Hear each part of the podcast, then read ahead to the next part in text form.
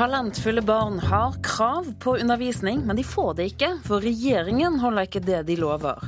I Storbritannia kommer nye krav om at minister må gå etter hackingskandalen. I dag skal 81 år gamle Rupert Murdoch forklare seg.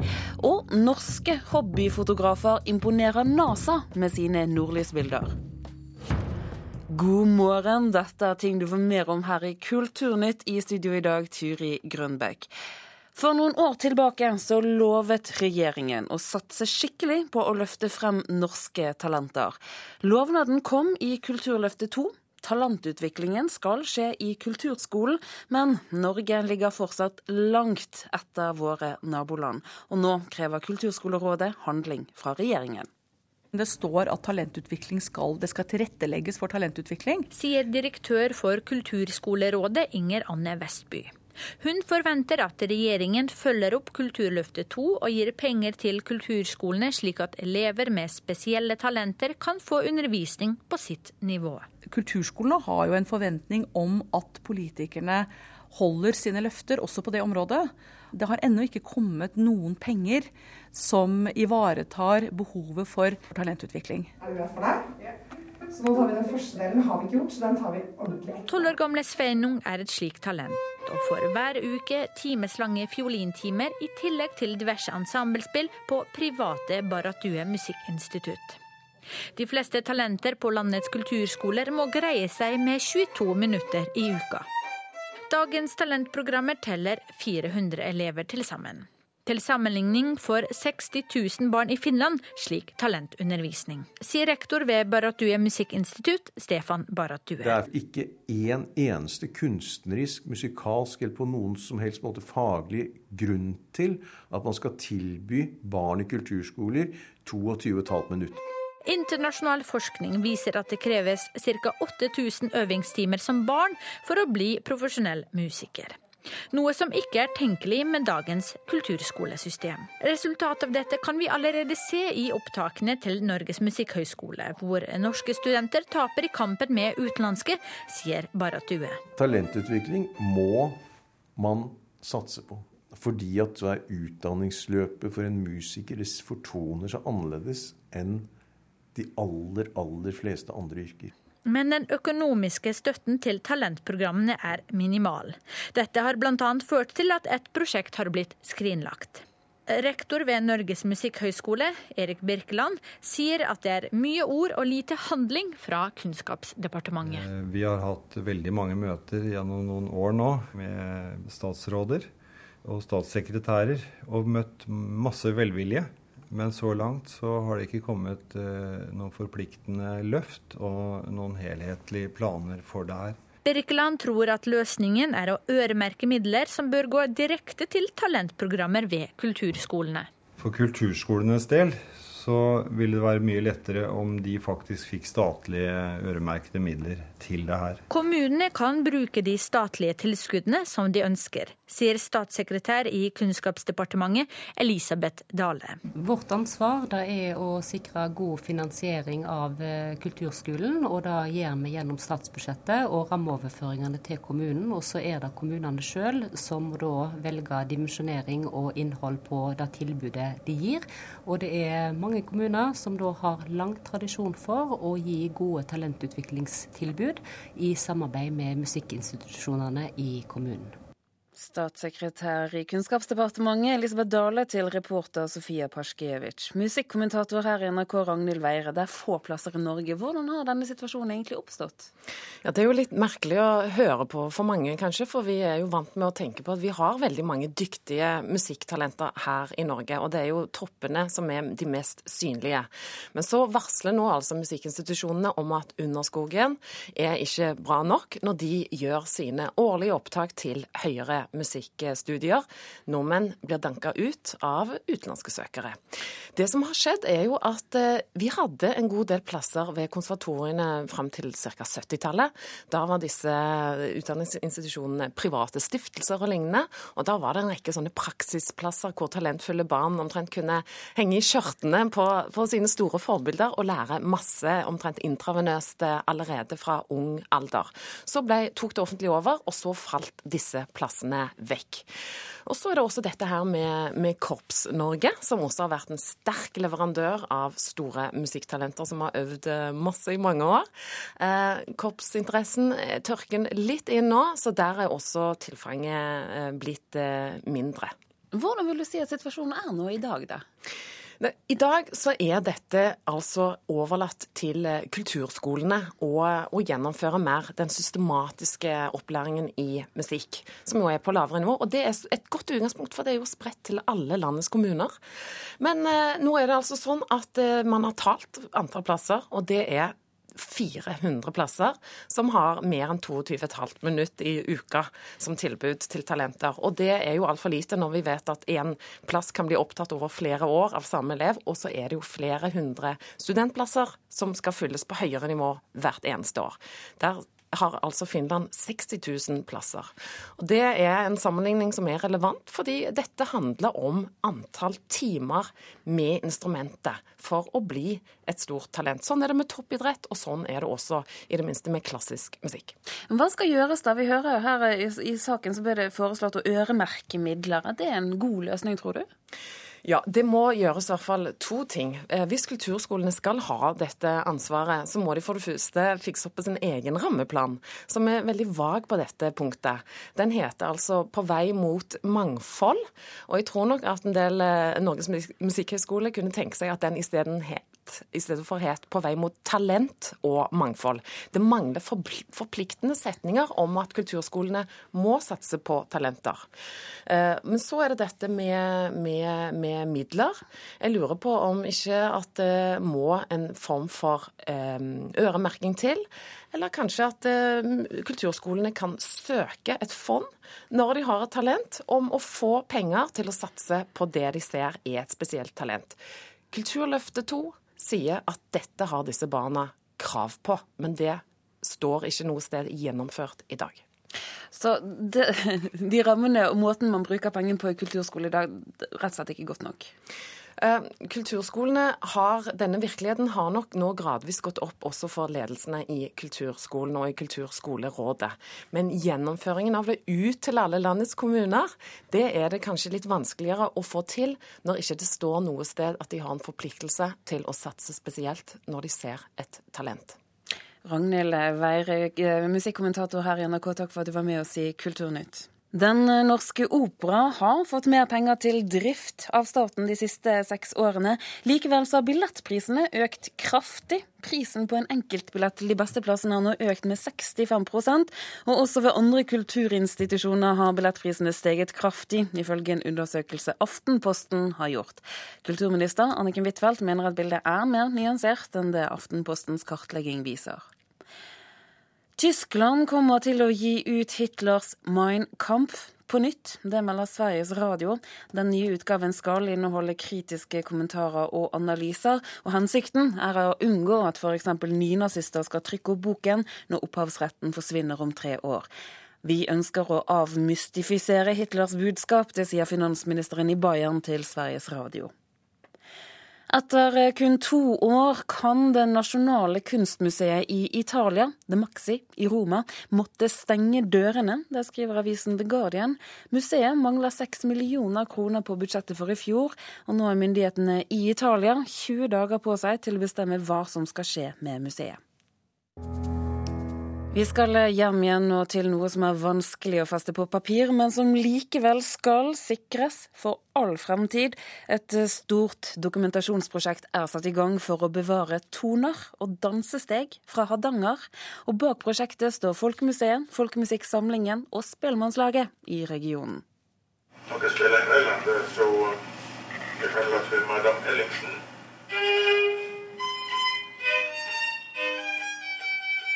På Granvin bygdetun i Hardanger står det støtte med et bronserelieff som viser Anders Kielland med hardingfela si.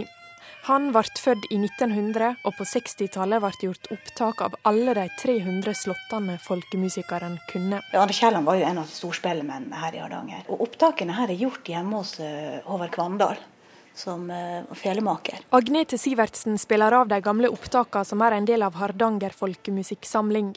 Hun er styrer for Hardanger folkemuseum, som sammen med samlinga og Hardanger spelemannslag nå vil sikre dagens folkemusikk og folkedans i regionen en trygg framtid ved å gjøre opptak av toner og dansesteg. Sånn at man får eh, altså vist bredden og mangfoldet på en uh, mye bedre måte enn hvis en bare skulle sett på det som ble utgitt på CD-er, mm. eller det som ble framført på konserter. Det har betydd enormt mye både for min generasjon og generasjonen etter meg òg. Eh, du kan gå inn og sjekke det sjøl om, om, du har glemt noe, om du har lagt til noe, om du uh, vil korrigere på noe. Det sier Knut Hamre, som sjøl reiste rundt og gjorde dokumentasjonsopptak på 80-tallet. Nå er det han som skal dokumenteres. Det er første gang siden prosjektet med Anders Kielland for om lag 40 år siden at en gjør opptak av hele repertoaret til én folkemusiker i Hardanger. Jeg har alltid vært nysgjerrig og vitebegjærlig på ting, så jeg har liksom lært noe ganske mye hvert år gjennom mitt liv. Og med at jeg har drevet på så mange år, så vet jeg et ganske stort antall med slatter eller med nummer. Jeg har grovregna litt. altså en mellom 300 og 400 har nok jeg òg. Og det nytter ikke å bevare disse på noter. Det forteller Bjørn Aksdal, fagansvarlig i Rådet for folkemusikk og folkedans.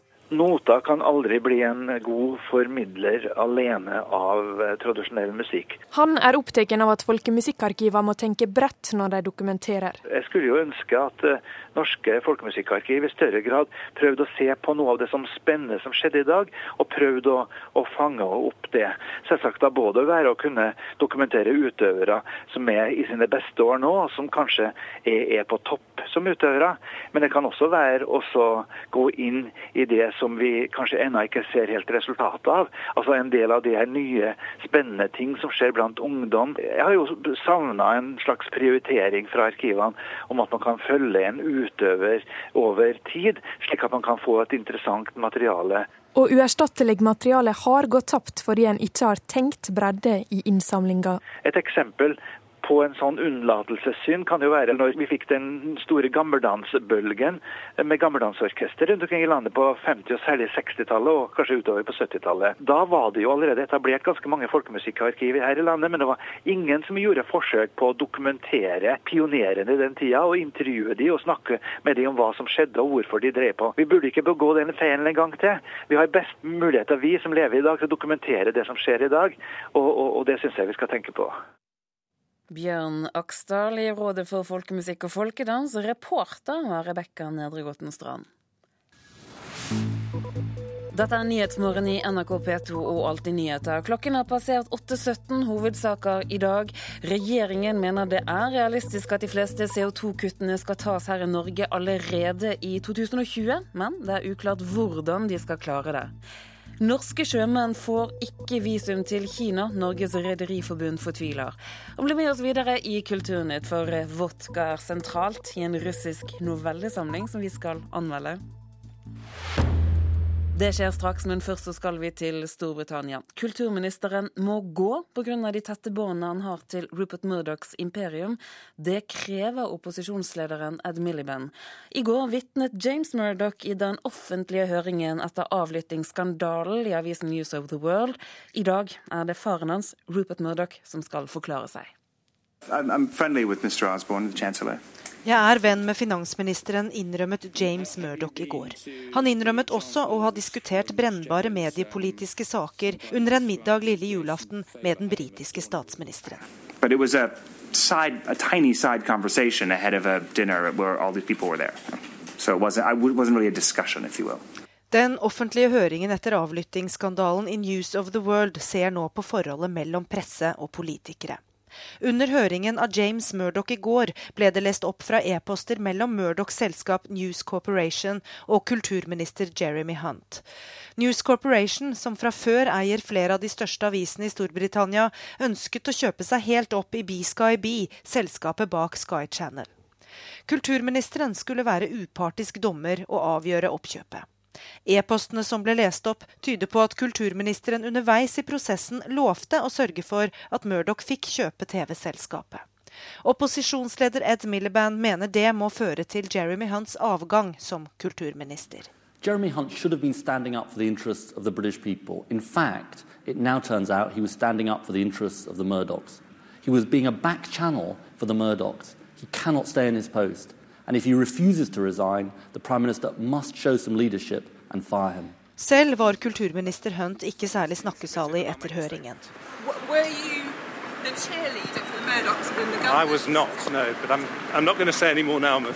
Men sent i går kveld uttalte han at han ikke kommer til å trekke seg. Han har nå bedt høringens leder om å fremskynde hans vitnemål, som etter planen ikke skal komme før neste måned. Men allerede om få timer tar et nytt vitne plass i Levesen-høringen. Slik hørtes det ut da mediemogul Rupert Murdoch måtte forsvare sitt imperium i det britiske parlamentet i juli i fjor. Hans mest ydmyke øyeblikk. Hva han må tenke nå, når han skal utspørres i to dager til ende om sitt forhold til ledende politikere siden han kjøpte opp News of the World i 1969, vites ikke. Over seks tiår har han vært den mektigste aviseieren i Storbritannia, med enorm innflytelse. I dag får vi kanskje et innblikk i hvor nært han har sittet på makta. 81-åringen er det vitnet som får lengst tid i denne høringen, som har pågått siden november. I can't speculate. He never he never ended up making that decision. James Murdoch ville ikke i går spekulere i om kulturminister Jeremy Hunt ville ha gitt ham muligheten til å kjøpe opp hele Sky-selskapet. Det hele gikk i vasken pga. oppmerksomheten rundt telefonavlyttingen som hadde pågått i News of the World. Den bestselgende søndagsavisa ble nedlagt pga. skandalen, og James Murdoch selv har nå trukket seg som styreleder for News International og som styreleder for Be Sky Be. Men pappa Rupert Murdoch sitter fremdeles på toppen av moderselskapet News Corporation. I dag er det hans tur til å møte utspørrerne i åpen høring. Gry Blekastad Almås, London. Og det er knyttet stor spenning til hva Rupert Murdoch skal forklare når eh, han møter eh, den skal møte i denne offentlige høringen i dag og i morgen. Han skal forklare seg i to dager. Det blir mer om dette i ettermiddagssendingen vår i Kulturnytt, som går, starter klokken 16.30 i dag. Støvler fulle av varm vodka. Det er den norske tittelen på en novellesamling av den russiske forfatteren Saka Prilepin. Og samlingen holder hva tittelen lover, mener i hvert fall vår kritiker Marta Norheim. Hva er det egentlig en slik tittel lover? Jeg eh, mener at den lover ganske mye. Her skal vi møte personer som havner opp i overraskende situasjoner, som de løser med det de har for handa, pluss fantasi og litt galskap. Ta til dømes eh, de unge guttene som vil invitere jenter på sjarslik, og som i mangel på penger til kjøtt slakter en hund. Hvis det nå var slik det skjedde eller de som kjøper et bilvrak som står parkert mange mil unna, med det føremålet at de skal bli rike. Eller altså han som tinger varm vodka på bar, for deretter å helle de edle dråpene ned i støvlene. Dette er første bok jeg har lest av Sakar Prilepin. Til å ha ei fortid både som soldat i Tsjetsjenia og som aktiv i det nasjonalbolsjevikiske partiet, er han forbløffende nær på det heilt, eller iallfall nokså alminnelige livet som folk lever i bygd og by. Og for de mannlige hovedpersonene handler det mye om damer, vodka og penger. Brutter'n slapp ut av fengselet, kom hjem og tok til vettet. Mamma, sa han, jeg har tatt til vettet. Gi meg 5000 rubler. Moren korset seg og ga brutter'n pengene, mens hun så ham i øynene med et anstrengt håp. Det går sjølsagt ikke bra med investeringene til brutter'n, men det skjer mye rart før det går i grøfta. Novellene til Prilepin er fulle av energi og handlekraft, men stemninga kan også gå i retning av det vare når unge menn prøver å få grep om verda, og når det handler om krigssoner eller livet som politisk opposisjonell, er angsten ubehagelig realistisk skildra. Hele veien er det den eller de enkelte vi følger.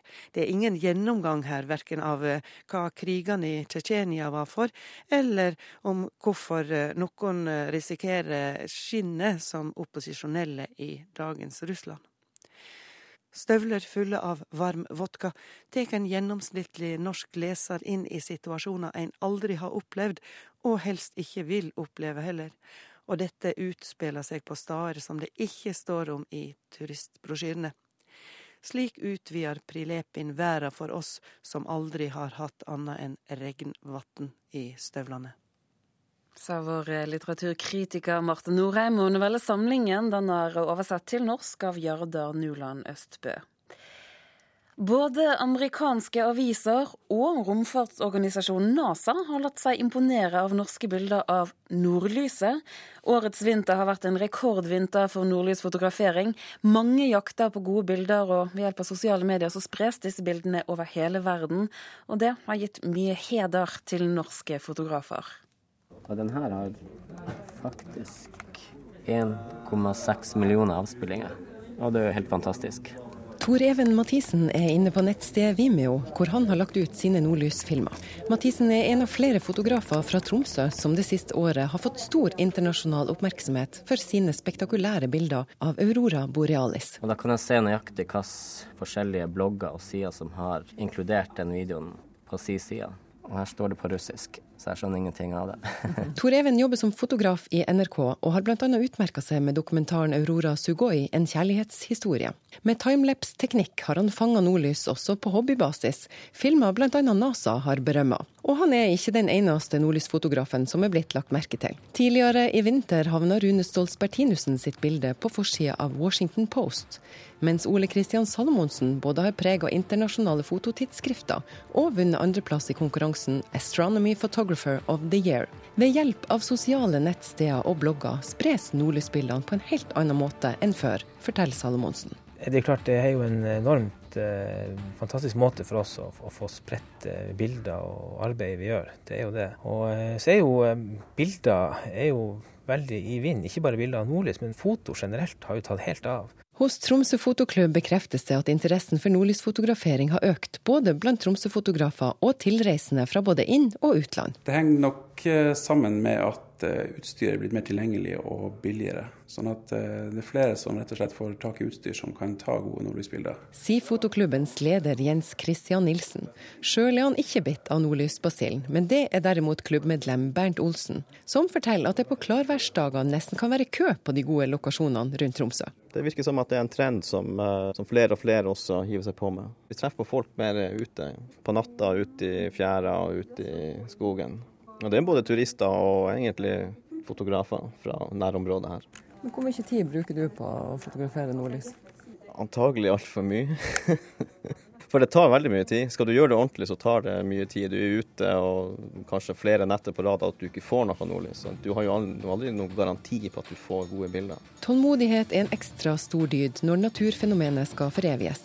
Men de lidenskapelige fotografene har god hjelp i nettsteder som forteller om solaktivitet. Spaceweather f.eks. også en veldig populær plass, som også gir eh, en viss indikasjon på hvordan eh, aktivitet det har vært på sola. Det er jo sånn at Hvis du har et utbrudd på sola, et sånt kalt eh, koronamasseutbrudd, så skaper jo det en solstrøm.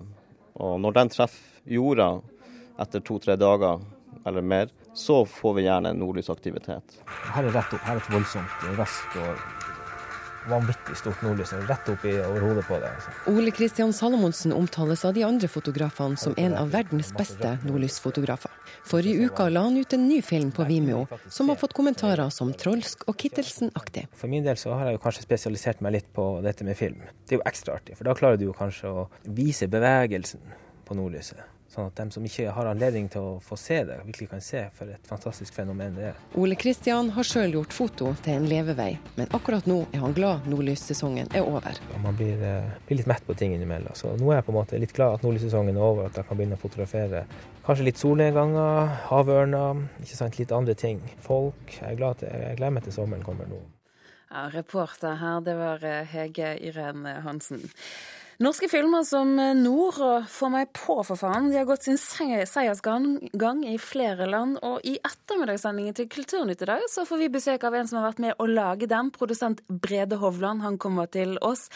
Men eh, denne Kulturnytt-sendingen er dessverre over. Ansvarlig for sendingen i dag, det var Espen Alnes. Det tekniske ansvaret har Espen Hansen hatt. Og her i studio, Turi Grønbekk.